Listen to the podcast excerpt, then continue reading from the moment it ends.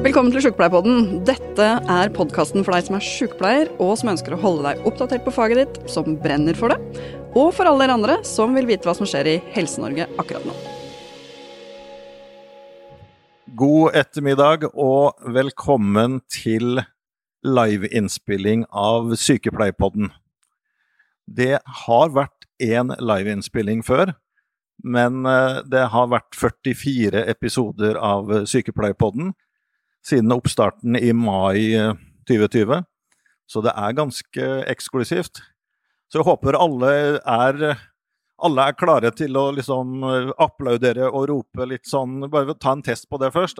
Er vi klare? Veldig bra. Sykepleierpodden har vært en suksess helt siden starten. Det er lagd 44 episoder. De ukene hvor podden går ut, så er det ikke uvanlig med 1000 nedlastinger og vel så det.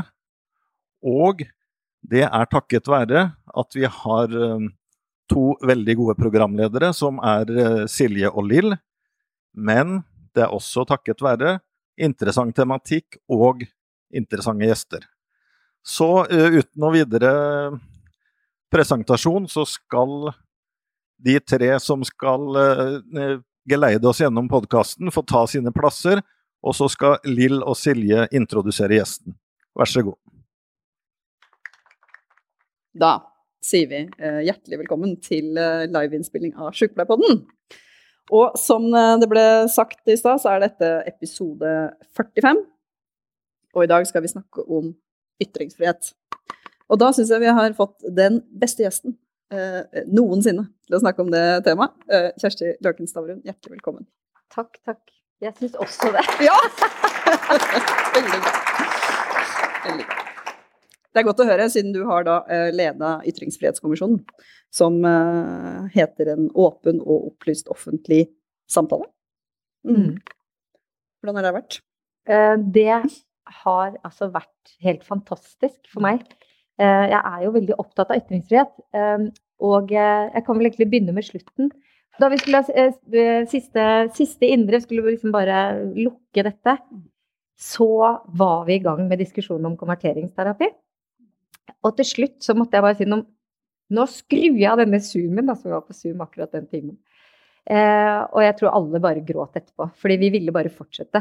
Så egentlig et av de forslagene vi har i rapporten, som er at man bør opprette et ytringsfrihetsråd, det er egentlig fordi vi har tenkt at vi kan gå inn der og bare fortsette dette arbeidet. Til evig tid. Eh, så, nei, det har vært kjempegøy. Eh, og det som jeg syns har vært særlig lærerikt Jeg har jo aldri sittet i et offentlig utvalg før. Aldri da heller ledet en NOU. Mm. Så sånn sett var det en bratt læringskurve. Men det som var veldig flott, jo, var sammensetningen. Eh, fordi, og den er det jo ikke jeg som hadde noe med å gjøre. Det var jo eh, angivelig hele regjeringen faktisk var inne og hadde en saying der. Men eh, de sitter ved dette bordet og er ikke oppnevnt fra noen. Og trenger ikke å, å, komme til bordet med noen låste meninger. Og skal heller ikke rapportere tilbake for å, for å avklare noe. Og det gjorde at vi fikk mange gode diskusjoner i rommet. Mange frie diskusjoner. Og jeg tror det kom som en overraskelse på oss alle, og i hvert fall på meg. For jeg hadde meldt helt i starten at her blir det dissenser. Mm. Men vi leverer en enstemmig rapport. Men dere hadde, det var noen diskusjoner underveis eller i starten på hvem som skulle sitte i Ytringsfrihetskommisjonen også? Jeg er glad du bringer opp det. Ja, hva den vi, hadde, vi hadde jo som et av mandatpunktene var at vi skulle lage debatt. Mm. Det syns jeg gikk veldig dårlig. Jeg var egentlig ganske misfornøyd. Jeg er som sagt ekstremt opptatt av dette. Syns jo dette er verdens viktigste ting. Ytringsfrihet er alle rettigheters mor. Men det var veldig få, følte jeg, som delte det engasjementet. Inntil et medlem meldte seg ut. Mm. Uh, hun skrev en kronikk i VG. Da satt jeg sånn på første rad sånn, der, som dere sitter, og skulle starte et innspillsmøte med kunstnere som hadde uh, kjent på ytringsfrihet i, i, i, praksis. Og så fikk jeg en sånn, vet, sånn messenger fra VG. 'Denne brannbullen bør du vel kunne svare på'. Det kom litt dårlig tid, må jeg innrømme, siden jeg da hadde liksom, var på vei opp på podiet. Men da var det da en utmelding eh, via en kronikk som kom som en bombe på oss. Eh, hvor det bl.a. jo ble sagt at vi var et verktøy for høyresiden. Og eh, da ble det debatt. Mm. Veldig mye. Eh, veldig voldsomt. Eh, vi fikk jo hele Kultur-Norge undertegnet, dvs. Si alle organisasjonene, så nær som Norsk faglitterær og forfatter- og oversetterforening, undertegnet et opprop mot Ytringsfrihetskommisjonen.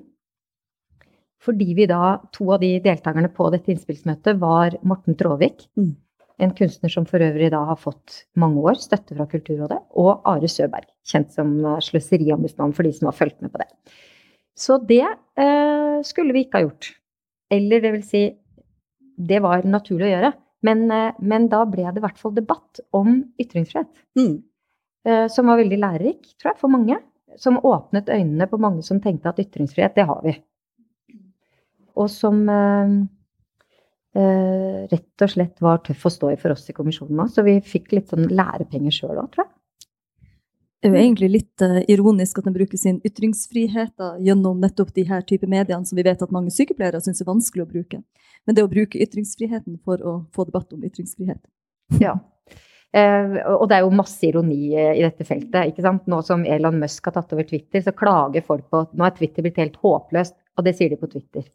Ikke sant? Så, og vi klager på Facebook og Facebook, og ja, sånn er det.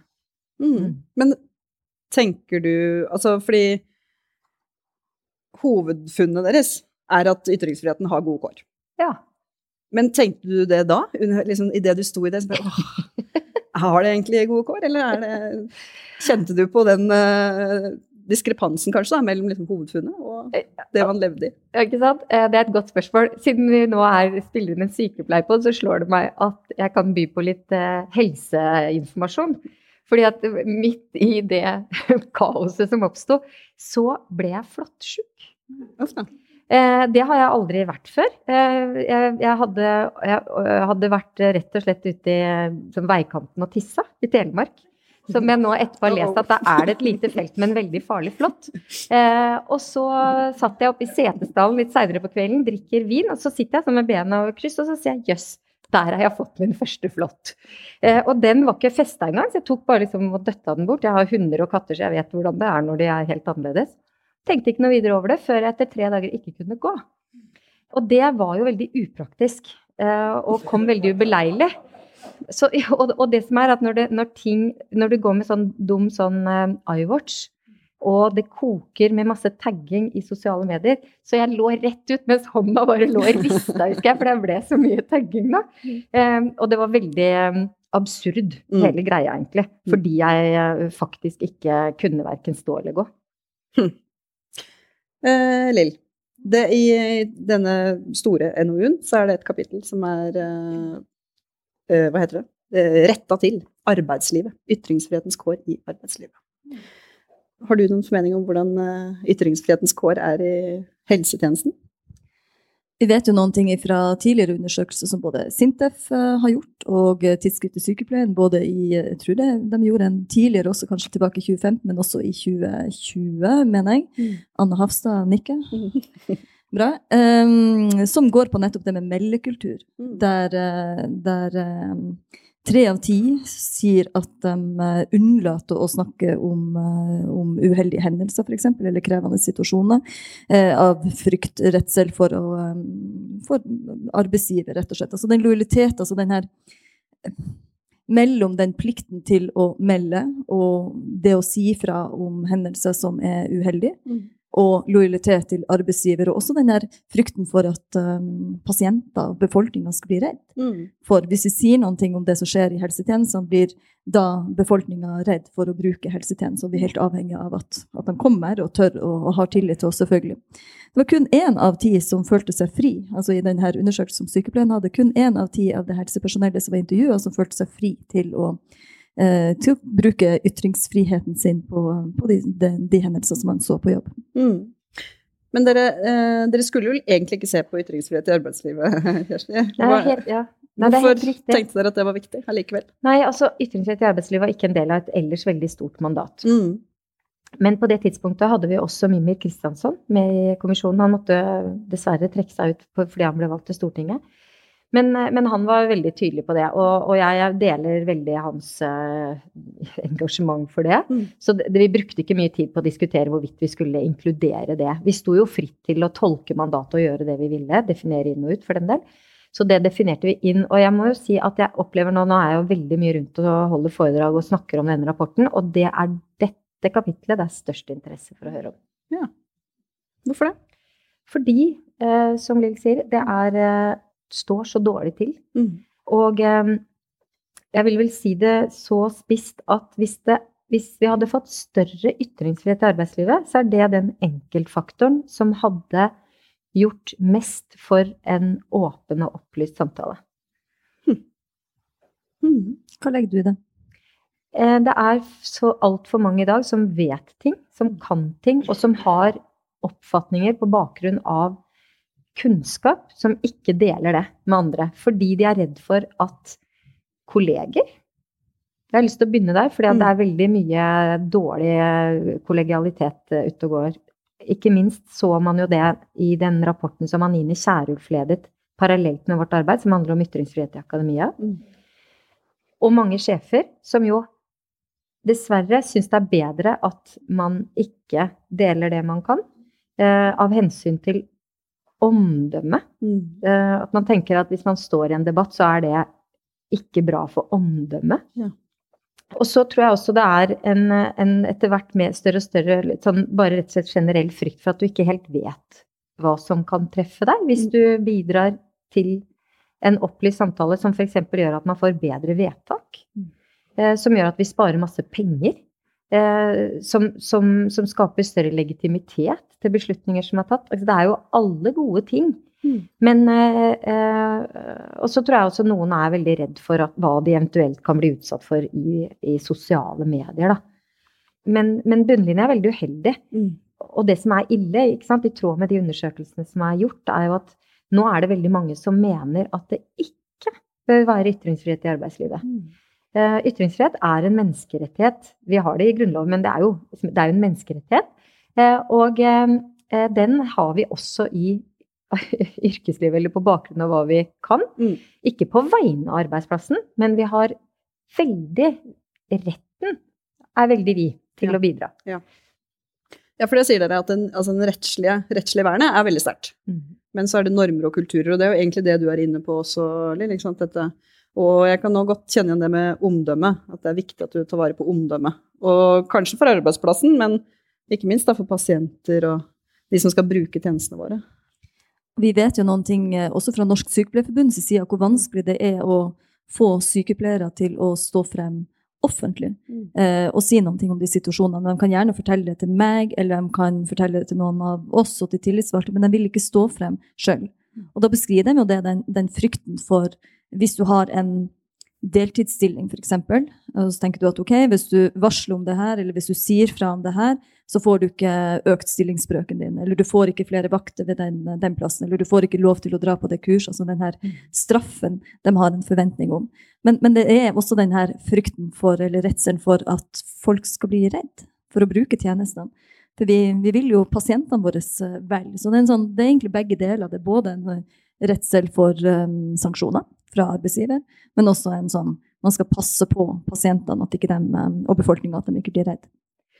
Jeg syns jo det er et veldig interessant uh, en, en, interessant årsak til at man ikke bidrar. Og jeg tror også på disse områdene så er det viktig å forholde seg aktivt til hva det kan være som gjør at man ikke, at man ikke bidrar. Og, og, hvis det er sånn at man er redd for, ja, redd for at pasienter eller mulige pasienter skremmes vekk, da, så, så er jo det selvfølgelig en utfordring fordi det er, det er ofte vanskelig å, eh, å, komme med kritiske meldinger og la de forbli forholdsmessige. Ikke sant? At det er, dette kan bli bedre, mens da har det en sånn tendens til å aksentuere utover.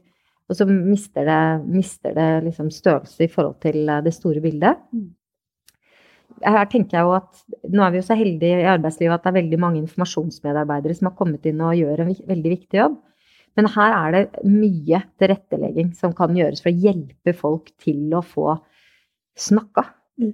Eh, og bidratt. Mm. Uh, og, og, og, kanskje sånn se på den kapasiteten som en uutnytta ressurs, og ikke noe du skal være redd for at uh, kan trå feil. Mm. Bare disse retningslinjene og disse informasjonsmedarbeiderne som, sier, som kanskje har vært noe som privat næringsliv i større grad har hatt tidligere, og henger sammen med omdømmet, det har vi jo forfulgt i helsetjenesten. Vi har um, de store sykehusene store kommunikasjonsavdelinger, og vi har retningslinjer for både det ene og det andre. Og i rapporten deres bruker dere bl.a. Uh, Oslo universitetssykehus sine retningslinjer for sosiale medier som eksempel. Og jeg tenker sånn, Som sykepleier i klinikken, da, når du leser de retningslinjene hvor det står sånn Du har ytringsfrihet, men arbeidskontrakten din og lojaliteten til arbeidsplassen og dette betyr også noe. Hvordan ville du tolka det hvis du hadde blitt kontakta av en journalist? Nå må du tenke noe sånn 20 år tilbake i tid. ja, og vi vet jo noen ting, våre medlemmer sier jo noen ting at de, eh, de opplever det som at de ikke har lov mm. til å uttale seg. De har på en måte skrevet under en, en kontrakt der det står noe om lojalitet til, eh, til, arbeidsgiver, og dermed opplever de jeg har ikke lov til å si noe om det. Ehm, for min del, eh, og som mange av oss har kjent på, vi, vi gjør jo feil. Så det er jo også den her Det som jeg tenker ikke nødvendigvis å komme frem kanskje godt nok i de undersøkelsene, er jo også ikke bare den lojaliteten til arbeidsgiver, og ikke bare den uroen for å skremme noen, men også skal jeg innrømme at jeg gjorde denne feilen. Mm. Altså, hva vil andre? Det, det, det, kollegiale som egentlig du sier noe om. Og dermed så har jeg tenkt i mer voksen sykepleierår at det nesten det viktigste jeg har gjort i lag med studentene som jeg har hatt opp gjennom årene, er å begynne med å fortelle om feil jeg har gjort. Mm. I håp om at de skal tørre å si noe til meg om hvis de er usikre eller redde, redd, og har gjort masse feil. Så det er noe med det der er en kultur, og det vet vi jo gjennom gjennom også diverse undersøkelser også om den, den lederen sin utrolig viktige oppgave for å sørge for at du både har systemer for å melde, selvfølgelig, eh, men også um, den, den, kulturen for å kunne fortelle om feil. Og det er klart, vi er, vi, det er en krevende jobb vi har som sykepleiere, med et stort ansvar. Og vi har jo noen NPS, altså Norsk pasientskadeerstatningssaker, også som har tenkt at her det, hadde vært systemer og kultur formelle og det å kunne si ifra, så har man kanskje unngått noen av de her sakene som selvfølgelig samfunnsøkonomisk koster masse penger, men for det individene, de personene som havner i de situasjonene. Så det å melde eh, for sykepleiere er noe av det vesentligste vi gjør for å sikre pasientsikkerheten. Og dermed så tenker jeg at da må vi som har jobba noen år, vi må gå foran med å fortelle om de feilene vi gjør. Mm. Våre venner i Politiets eh, Fellesforbund de har jo hatt en stor debatt om varsling i kjølvannet av Monica-saken, eh, hvor det har blitt varsla internt eh, gjennom mange år. Og det ble veldig, veldig, veldig vanskelig, rett og slett. Hvor konsekvensen til sjuende og sist ble at styret til politiet har lagd en uttalelse hvor de sier at vi anbefaler ikke våre medlemmer å varsle. Omkostningen er for stor. Kunne vi gjort det samme, tror du? Vi får, eh, som jeg og du Silja har prata om før, så får vi jo noen henvendelser hvert eneste år fra medlemmer som har stått i helt vanvittige situasjoner fordi de har varsla. Mm. Også under pandemien, eh, der de opplever alvorlige sanksjoner. Mm. Og der de egentlig ønsker at vi som Norsk Sykepleierforbund skal gjøre akkurat det samme som politiet har gjort, og si at uh, vi ikke anbefaler varsling. Mm. Vi har ikke landa på det standpunktet per nå. Vi er veldig tydelige på at folk må varsle. Og så må vi som Norsk Sykepleierforbund stå i lag med dem i de her ekstremt krevende situasjonene. Men det er jo akkurat det. Det er et individ, det er en person som blir stående med et enormt um, De tar på seg et enormt ansvar for å faktisk bevare pasientsikkerhet, sikre pasientene, men også det ytrings, uh, ytringsansvaret. For det er ikke bare en ytringsplikt, det er et ytringsansvar også. Uh, dere diskuterte kanskje Monica-saken og det som skjedde der i forbindelse med kapittel? Nei, men jeg kjenner den godt. Ja. Og vi gikk ikke inn i varsling som ikke noe særlig grad, fordi Nei. at det akkurat er utvikla regler for varsling. Men jeg har jo en del meninger om det. fordi mm. jeg er så klar over den. Den står jo liksom som en påle, den meldingen fra Politiets Fellesforbund. Og det eneste det fører til, er jo at ingen gjør det. Mm. Uh, og jeg kan ikke tro at det er noe egentlig fagforeningen ønsker. Uh, snarere tvert imot. Så jeg tror kanskje, eller skulle, hvis jeg skal ønske meg noe, så er det jo det å erkjenne at her har vi et, eh, et problem som er egentlig en hardstop. Hvordan løser vi det? Hvordan bidrar vi som fagorganisasjon til å sikre våre medlemmer når de har viktig informasjon ut? Eh, jeg syns jo akkurat denne spesielle historien er jo også ikke sant? Det er jo veldig mye å si om Monica-saken, men kortversjonen er at Robin Schäfer melder at han syns man bør se på den etterforskningen en gang til. Så skjer det veldig mye, og så får han Fritt Ords pris mm. for noe som er liksom, hva, hva, er imponerende ved det, liksom? Mm, mm. Eh, men hele den meteren mellom de to hendelsene, det er jo der det skjer helt skrekkelige ting. Eh, og det er jo klart at det skulle man jo ikke tro at var mulig, når man sier noe så alminnelig som at skal vi ikke liksom se mm. på den saken en gang til. Mm. Og så eh, er det det med varsling, at den berører noe vi, noe vi er inne på et annet sted i rapporten, nemlig dette reguleringsparadokset. For nå har jo varsling blitt diskutert oppad stolper og nedad vegger, ikke sant? Og vi har fått et veldig sånn nitty-gritty regelverk som diskutert og diskutert. Og det er jo også da sånn at det fører til at mange vil kvie seg. Mm. Hele debatten rundt det gjør at du, du, du skjønner at dette er komplisert. Jeg tenker at, og det spurte jeg om også, Vi hadde et veldig godt innspillsmøte om ytringsfrihet i arbeidslivet. Det ligger fortsatt ute på ykom.no. Og, og, og, for det spurte jeg om noe jeg alltid har lurt på. Tror ikke dere at hvis det hadde vært litt mer ytringsfrihet på liksom mandagsmøtet, om det hadde eh, gjort det mindre nødvendig med et sånt nitty-gritty regelverk for, for, varsling? Jo. Eh, og det sier seg jo egentlig selv at hvis man hadde liksom, hatt litt lavere skuldre, litt, eh, litt en åpning for at ja, feil, det, det, er jo egentlig det vi driver og forholder oss til i det daglige, så, så ville vi ikke trengt dette skremmende regelverket, egentlig, som, som varsling er blitt, da. Mm. Um, og det tror jeg veldig på. Samtidig er det jo noen ganger du kan komme over sånn som ikke sant, Du kommer over en kvittering, sånn som i Bar-saken, ikke sant, etter Tore Tønne. og og da er, det, da, er det, da er, det, jo noe du skal varsle om. Mm. Men det er der jeg også mener at uh, fagforeningene, og særlig Sykepleierforbundet, politiet og lærerne, som jo har vært opptatt av ytringsfrihet så lenge, gjort så mye viktig for sine medlemmer, men også for hele universet av uh, fagfolk, da. Mm. Uh, at de burde bidra med kanskje en egen infrastruktur knytta til, til, folk som trenger å varsle. Mm. Det er interessant. Og det, det, som også politiet, lærerne og sykepleierne har til felles, er jo et uh, veldig sterk uh, profesjon og et etisk uh, regelverk. Og det er jo noe sykepleierne har veldig i seg. Og, det står vel også noe i de yrkesetiske retningslinjene til sykepleierne knytta til dette med å, å si ifra, rett og slett. At, og at det er helt uavhengig av hvem du har lojalitet til. Så er det det å si ifra om ting som er uforsvarlig, eller som kan gå utover pasienten. Det skal man gjøre. Så jeg tenker at vi òg har en egen forpliktelse i yrket vårt til å både gjøre det, men også kanskje være med å utvikle ytringskulturen, da, som du er inne på.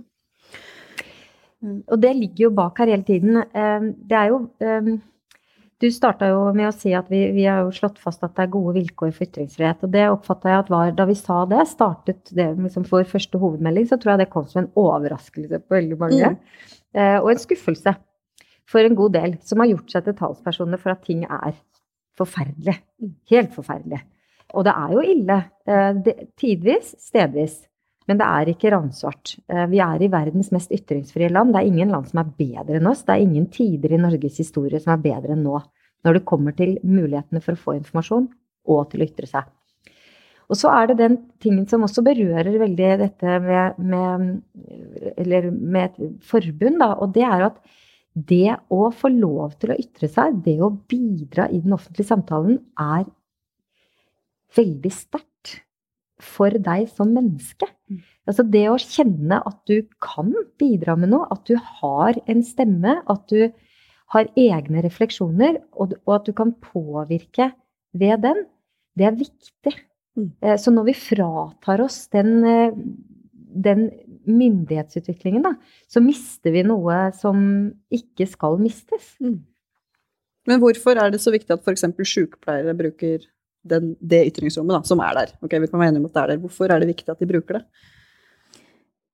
Fordi pasientene eh, trenger oss til det. For det er jo det, på den eneste måten vi kan eh, forbedre Hvis det er ting som ikke fungerer, så må vi jo si fra om det. Mm. Eneste måten vi kan eh, forbedre tjenestene våre på. Og så er det jo noe med de rammene og ressursene. Får jeg lov å sitere Kari Martinsen her? Ja, det er ikke en podkastepisode uten Kari Martinsen. Det er hun er sykepleierteoretiker, hvis du ikke kjenner til Kari Martinsen. ja. Jeg skal ikke sitere men hun er veldig tydelig. Altså, hun blir gjerne oppfatta som at sykepleier sykepleie ikke sant, er det som er klinisk og nært uh, pasientsenga, og det er det òg. Mm. Men du får ikke gjort arbeidet ditt som sykepleier nær senga og i lag med pasienten hvis du ikke også har rammevilkårene og det som er nødvendig i et samfunn for at det skal kunne fungere sykepleie. Og det er jo egentlig det som, Derfor jeg bruker å snakke med, med de sykepleierne som tar kontakt med meg, og fortelle om episoder de har erfart, at det her går ikke an, det, vi er nødt til å få gjort noe med det. Ja, ikke sant, men kan du stille opp? Vil du kunne si noe om det? Har du meldt avvik? Har du eh, snakka med lederen din? Gjort de tingene som er nødvendige? Eh, og det, det, er jo det er et ansvar vi har som sykepleier, men også som innbygger i et samfunn for at samfunnet skal fungere godt nok. Vi er helt avhengig av å få rammene og ressursene på plass rundt sykehus, rundt kommunehelsetjeneste, rundt pasienten som, som, som trenger oss. Men hvordan gjør du det uten å bli oppfatta som sytete? Ja, vi blir jo oppfatta som sytete. Sykepleierforbundet er jo Norsk, norsk Sykepleierforbund. og vi får jo veldig ofte at eh, ja, men nå må vi snakke opp yrket. Vi kan ikke bare fortelle om alt det negative som skjer, vi er nødt til å snakke opp yrket. Så tenker jeg, da bruker jeg å ha litt, sånn, litt himling med øynene innvendig i alle fall, og tenke at ja, men vi gjør jo det hver eneste dag. Men det kommer kanskje ikke på Dags 18 at hei, se hvor fantastisk sykepleieryrke, verdens fineste yrke. Men, uh, men, men, det er jo riktig den balansen selvfølgelig med å fortelle om alt det som er bra. I det å bo og leve i Norge som vi har, den ytringsfriheten som vi har, med å jobbe i tjenestene, som er jo tross alt eh, ut av verdens beste helsetjenester. Men det tar ikke fra oss det ansvaret å faktisk påpeke problemområdene, de utfordringene, og ikke minst når det er uønska hendelser og avvik eller eller, eh, eller situasjoner som, som, faktisk begrenser en ytringsfrihet. Som det også kan gjøre når det er kommunikasjonsstrategier eller etniske retningslinjer som sier at ja, du må være lojal mot arbeidsgiver, så det her kan du ikke få lov å uttale deg om. Vi har jo en del sykepleiere som sier at jeg, jeg, må, jeg, kan stille opp, men jeg må sjekke med min leder først. Og så kommer de tilbake og sier at nei, vet du hva, lederen sa at det får jeg ikke lov til av omdømmet til arbeidsplassen, så da kommer lojalitetsansvaret deres inn der. Og det er jo ikke greit. Med sosiale medier oppi det her, eh, hvordan har det endra ordskiftet, tenker du? Det har jo endra Vanskelig å si om det har endra alt, men det har jo endra veldig, veldig mye. Mm. Den forrige kommisjonen, De har jo hatt en ytringsfrihetskommisjon før. Den la fram sin rapport i 99. Og da skriver de bl.a. en setning at det sier seg selv at alle kan ikke diskutere med å informere alle det ville jo blitt en kakofoni mm. eh, som ville frata oss friheten på lignende med et diktatur. Ikke sant? Og så er det jo klart at de kan jo ikke forutse sosiale medier i 1999, men det er jo det det er. Ja. Eh, og det er en kakofoni. Mm. eh, men det er jo også innimellom, syns jeg, da, fantastisk. Mm. Eh, hovedsakelig veldig, veldig bra. Jeg har ikke møtt noen som ønsker seg tilbake til en tid der vi da måtte skrive et leserinnlegg som kanskje kom på trykk. Eh, og det kom jo gjerne på trykk hvis man hadde en tittel. Mm. Ikke sant? Um, uh, vi kommer ikke tilbake dit, men sosiale medier har jo et stort forbedringspotensial. Vi som utøvere har et stort eh, forbedringspotensial.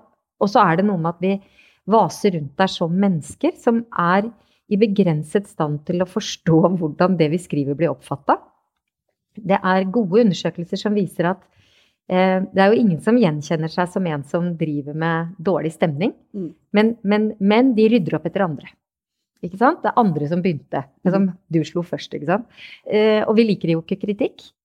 Så da går vi litt i lås, og så blir det dårlig stemning av det. Og så er Mye av dette er veldig menneskelig og helt greit, men så er det nok noe som er litt sånn urovekkende òg. Og det er at sant, ideen om ytringsfrihet er jo at jeg hevder noe, så kommer du og så vet du mer. Og, så, og, da sier jeg 'det var klokt'. Mm. Da må jeg revurdere min mening. Mm. Men i praksis så er det ikke sånn. Da blir vi litt mer 'nei'. det tror ikke jeg noe på. Eh, jeg lar meg ikke berøre av det. Det må du gjerne mene. Men det gir liksom ikke inntrykk på meg. Så, så, i praksis så viser nok sosiale medier der vi er i dag, at, at, at ytringsfriheten ikke fungerer helt slik som idealet er stilt opp. Og det er litt dumt. Mm. Og så er det jo noe med de sosiale mediene òg. Vi har jo hatt noen saker der eh, kanskje særlig kvinner, eh, sier, kvinner i politikk sier at det er vanskelig å, å, å, å ha den posisjonen, den litt framskutte rollen. Nettopp fordi at du også får så mye dritt i sosiale medier. Jeg gjør jo òg det, til dels, uh, innimellom. Fikk, jeg var på Dagsnytt 18 på forrige fredag og fikk ganske sånn rett etterpå at noe sånt som 'herregud, du er dum'. og så tenkte jeg ja, det kan jeg leve med. ja. men, men, det er noen ting Og det må du. Mm. Eh, og det er, det, som er, det er en mm. veldig viktig ting, for du er en veldig viktig person. Mm. Eh, og det er en del av det vi også prøver å lirke inn som ikke skal forklare alle av den type meldinger, mm. men jeg tror likevel at vi skal være så sjenerøse at vi skal forstå at for mange så er sosiale medier en måte å komme i på en måte over det, denne avmaktsfølelsen mm. eh, i møte med det mektige. Og, og, at veldig mange, og det vet vi, og jeg vet jo ikke Nå var jo det en kort melding, så det var ikke så veldig mange ortografiske snubletråder der. Men, men det ser vi jo, at mange av disse meldingene er jo ikke rent sjelden skrevet over stokk og stein, mm. med liksom gaffateip og capslock og, og, og, og, høy temperatur, da. Mm. Og det jeg syns er betenkelig, er hvor raskt vi er da til å kalle disse for troll. Mens det sannsynligvis Jeg skal ikke si at det gjelder alle. Eh, men jeg vil ikke se bort fra at en andel der er mennesker som ikke kan skrive så godt. Som ikke er vant til å bli hørt.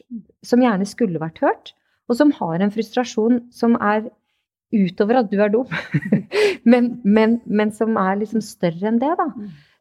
Og jeg tror vi blir litt klokere på samfunnet vårt og, og, bør se litt bakover den meldingen, mm. enn bare å ta den meldingen for, for hva den kanskje egentlig ikke er ment å være heller. Og så tenker jeg at Det er akkurat det. Uh, jeg og flere andre i de posisjonene som vi har, da, da må vi tåle det. Til en viss grad, i alle fall. Mm. Men det er klart at når jeg da har vært med på å pushe en sykepleier som ikke er vant, de er ikke vant til å stå i den posisjonen. De har ikke den posisjonen, og ikke vant til å stå i media, og da får litt samme greia. Ja, det skriver vi en del om, og det er vi opptatt av. At, eh, vi har jo en rapport med 90 forslag til forbedringer, på tross av at ting er liksom bra. Men det er jo for at vi skal fortsette å være bra. Og eh, ikke alle disse eh, meldingene er til staten, som jo er vanlig at en NOU skal jo liksom henvende seg til staten. Men vi skal ikke ha en stat som passer på ytringsfriheten vår. Det må vi passe på selv. Mm. Og det er store uutnytta eh, oppgaver for partier, organisasjoner, arbeidsplasser til å avhjelpe nettopp den som står i en sånn eh, eventuelt storm. Eh, det er alt fra at det er en drill, at det er noen du vet du kan ringe. At det er noen som er ressurspersoner på området. Eh, som, og det, det, vet jeg jo av egen erfaring også, at det er bare én person mennesker med ro og sunn fornuft hjelper veldig. Som både kan si den meldingen er, skal du ikke tolke sånn. Mm. Det står ikke det der. Eller vet du hva, den anmelder vi for deg. Mm. Det skal ikke du tenke på. Mm. Eh, så hele denne rangen er eh, For det syns jeg er litt Hvis du går til partiene, f.eks. Altså, nå snakkes det jo en del om at unge politikere trekker seg.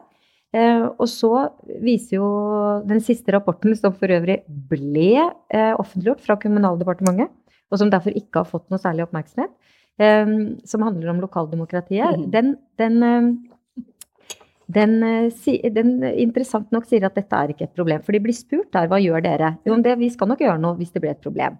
Så veldig mye problemsnakk er ikke så problematisk som problemformidlerne skal ha det til. Uh, og, uh, men, det, men, fortsatt vil jeg mene at det er, det Nå har vi klagd på disse tingene så lenge. Hva, liksom, hva kan vi gjøre med det? Eh, og da er det å ha retningslinjer, drill, ressurspersoner, faktaark hjelper et mm. langt stykke på vei. Og mm. gir trygghet, da. Og jeg vil jo egentlig at i de, sånn som på sykehus, f.eks. store sykehus som har de kommunikasjonsstrategiene, så istedenfor da å på en måte at det blir opplevd som at de ikke får lov, sykepleiere eller helsepersonell, å uttale seg, så burde det nettopp vært en drill på hvordan mm. følger du dem opp i etterkant av at de har uttalt seg. Sånn at du slipper å stå med det alene. For det, det, er jo det de gjør per i dag. Ja, og det, det er tøft. Uh, fordi at du Åssen skal jeg si dette, da? Altså det, det, er noe med at når du har vært, selv når du har vært bare uti der, så er det veldig ålreit at noen sier du, det var bra. Det du sa, det var fint. Det skal ikke mer til. Men du blir litt sånn uh, Jeg kaller det liksom for post-limelight-syndromet. At du, du, er alt kult fram til du har hatt ord og du melder og sånn, og så hva skjer nå? nå ble det stille, nå trenger jeg litt støtte. Mm. Jeg trenger å få bekreftelse mm. på at det var fint. Og så tenkte jeg på det som jeg snakka litt med deg, Silje, om her i sted, om at vi har jo noen tillitsvalgte som også står i noen krevende situasjoner innimellom, også med tanke på de, de ytringene dem eh, Noen velger man sjøl, og noen blir man tvunget inn i og er nødt til å ta fordi man har denne rollen. Eh, og så var det ei dame her om dagen som har sendt en mail og beskriver at um, en ganske en sånn trasig situasjon ut ifra noe hun har sagt, som blir da dratt med seg videre. Hun blir hengt ut som person og med navn. Um, og som hun sier noe om at det er vanskelig. Uh, og så skrøt hun av oss i Sykepleierforbundet for vår tydelighet. Men så sier hun siste setninga at jeg skulle ønske dere noen gang sa noe om de gangene dere var tydelige, men skulle ønske dere ikke hadde vært riktig så tydelige. Altså, så egentlig de gangene der man kan angre i etterkant og tenke ah, hva det var Erna Solberg som ville ikke valgt de, akkurat de ordene. men, men, men, vi gjør det jo, vi òg. At Kanskje må vi ha de her samtalene også om at det er ikke alltid det å være mest tydelig er det viktig eller riktig å gjøre. Noen ganger kan man faktisk si at mm, jeg burde ikke ha sagt akkurat det. Eller eh, i dag vil jeg velge å si noe annet, for jeg har fått tenkt meg om jeg har lært noen ting. Jeg har snakka med noen kloke folk som sa at ja, men ok, det var ikke helt sånn. Vi gjør kanskje det for lite, også i Sykepleierforbundet. Ja. Jeg, jeg synes vi skal Vi skal jo som forbund klare å liksom støtte våre eh, sykepleiere og tillitsvalgte og sånn. Men eh, jeg syns kanskje, hvis jeg skal være litt uh, Hvis jeg skal tolke det du sier litt kvast, da, mm. så kan det jo høres ut som du sier at vi er litt for hårsåre. At vi må tåle litt mer. Ja, ja. ja det tror jeg òg. Ja. Um, absolutt. Blir vi litt krenka? Ja. Og det, ja. Mm. jeg er veldig opptatt av at man har et liksom, metaperspektiv på det man gjør, sånn at du øh, kan profesjonalisere deg selv litt. da. Mm. Ikke sant? Og det, øh, fordi at vi er bare mennesker, og vi vil egentlig bare ha ros. Ikke sant? Ros og bekreftelse. Mm. Og positiv forsterkning. Og jeg tror veldig på positiv forsterkning, ja, altså, men jeg tror nok likevel at det er eh, greit å tåle litt eh, motbør. Og, og, jeg blir ofte, jeg blir, ofte, jeg blir eh, innimellom sjokkert mm. over hvor lite noen tåler. Eh, og, og, hvor lett det er å forveksle eh, motargumenter med troll. Mm. Og jeg tenker at man eh, Litt sånn eplekjekt sagt at man innimellom må ta seg en bolle og roe det litt. Og, og, se det litt fra den annen side. For at i det øyeblikket du selv har tatt arenaen og ment av noe, sånn som jeg får liksom, en kjempeanledning til å gjøre nå, så må jo jeg skjønne at det gir jo de andre like stor mulighet til å si at det var mye usammenhengende og dårlig uh, argumentert for, liksom. Mm. Uh, for jeg kan ikke få lov til å bo få både talerstolen og stillhet. Mm. Uh, og det, det, var jo noe av det denne diskusjonen med kunstnerne i fjor sommer handlet om. At man ville ba om trygghet. Eh, og da var jo det jeg prøvde å si da, som selvfølgelig ble misforstått, eh, men du kan ikke ha trygghet for motforestillinger. Din egen stemme er en motforestilling. Så jeg tror nok det er veldig riktig at vi kan bli, være litt hårsåre. Mm. Eh, men så er vi bare mennesker. Mm. Alle er jo det. Sånn er det. Var det capslock på 'du er dum', eller? Var det utropstegn? og capslock på en annen som sto 'herregud, der også'. Er, er det mulig? Var det som sto noe sånt? Er det mulig? Så det var mye dumt, tydeligvis. Og det er jo ikke Når du sier det, så, så tenker jeg liksom Wow! Det er så farlig. jeg, jeg har eh, Det burde jeg sikkert ikke si høyt, for da kan det jo selvfølgelig trigge noe. Men jeg har ikke fått én ubehagelig melding etter at vi la fram rapporten. Men jeg så i forgårs på Twitter at det var noen som Og det var jo ikke dårlig, det var, veldig, det var åpenbart ikke godt ment. Men jeg måtte jo le. Og ytringsfrihetsmenneske ble jeg kalt for da. Tenker jeg, ja ja. Og det, og det, ja, nei, det er liksom, det ikke, ta den. Ja, den. Åh, oh, den vei! Ja. Huff a meg. Ja. Vi skal, begynne, vi skal, begynne, å gå inn for landing. Men uh, hvordan skal vi få sykepleierne til å ta mer plass i det offentlige ordskiftet? Vi er enige om at det er viktig. Sy sykepleiere må, må, ta den plassen. Og ja. da er vi i Norsk Sykepleierforbund i, i, i, ryggen og i front der det er nødvendig, men sykepleierne er nødt til å ta mer, eh, mer plass. Så, eh, Vårt tips er jo vi har fag i front. Altså, som sykepleier så er det du som kan sykepleierfaget. Du kan beskrive det ut fra et sykepleierfaglig perspektiv. Det er jo ingen andre. Du kan ikke en økonom eller en uh, journalist eller uh, hvem som helst uh, komme og si noe annet enn dine erfaringer, og argumentert ut ifra en uh, sykepleierfaglig ekspertise som vi har. Mm. Så hvis man bare har den sykepleierfaglige ekspertisen, kan argumentere med det, så er det ingen som kan komme og ta det. Da kan de gjerne si at du er dum, but so what? Mm. Hvis jeg kan få hekte meg på, så, så tenker jeg jo at den lojaliteten, den går jo langt utover ledelsen på sykehuset. Eh, det er det ene. Og det andre, som er mitt beste råd, universelt gjelder i alle sammenhenger. Enten går det bra, eller så går det over. Det er et godt råd. Men, men hvis du skal gi et råd til Sykepleierforbundet da, om ja. hvordan vi skal være med å liksom, få et større ytringsrom, endre kultur og normer som dere er opptatt av? Ja, altså, Da liker jeg egentlig godt det du var innom i stad med dette å, å, å, øve på å være nyansert. Fordi at veldig mye av det dere jobber med, er jo avveininger. Mm. Eh, og, og, det kan gjøre det Eh, for vi har jo nå en lang periode levd i Og jeg elsker dette ordet narrativ, jeg syns det er bare helt sånn utrolig dumt. Men mediefremstillingen er at vi skal være veldig tydelige og klare, og sant, budskapet skal bli tatt med en gang. Men nå har vi holdt på med det en stund. Nå må vi videre. Eh, og veldig mye er faktisk avveininger. Og det å kunne få lov til å ytre seg balansert, da, mm. gjør det kanskje mindre farlig òg, enn at du må liksom blir litt sånn hærfører for, eh, for, en framstilling som er veldig hard. Mm. Hvor enkelt er det, syns du, å få lov til å ytre deg balansert? Er journalisten interessert i det? ja og nei. det går kjempefint. det er mange måter å se det på, og ingenting er svart-hvitt. nei, men faktisk så syns jeg at det begynner å bli litt rom for, eh, for, eh, for, for nyanser. Og ikke at det er svart-hvitt. Og det er også det med med det, det politiske bildet. Jeg, jeg, kjenner for min egen del at når det kommer Politisk kvarter, og så er det to politikere fra ulike partier, og så sier de ja, men vi gjorde det så mye bedre når vi var og? Det blir sånn krangling i skolegården på et vis. Det gjør meg sliten. Det gjør veldig mange andre folk irritert. Det er ikke bare meg. Så det å begynne å finne frem nyanser til at ja, nei, men det var veldig bra, det som dere gjorde der, det vi ser på som forbedringsmuligheter her, er det begynner å bli et visst rom for å diskutere det, både for vår del med, med, journalister og ikke minst med oss som sykepleiere og innenfor helsetjenesten.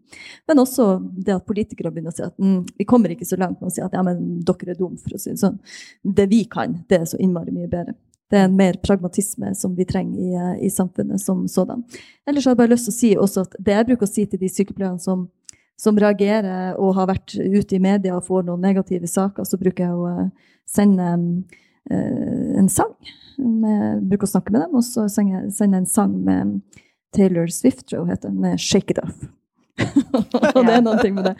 Og til syvende og sist så må vi kunne klare å shake it off uh, når, er, når, man har vært ute i noe. Det, det, kommer en dag i morgen. Og det syns jeg er en kjempeting å gjøre, for sånn er det. Vi holder på, vi går videre.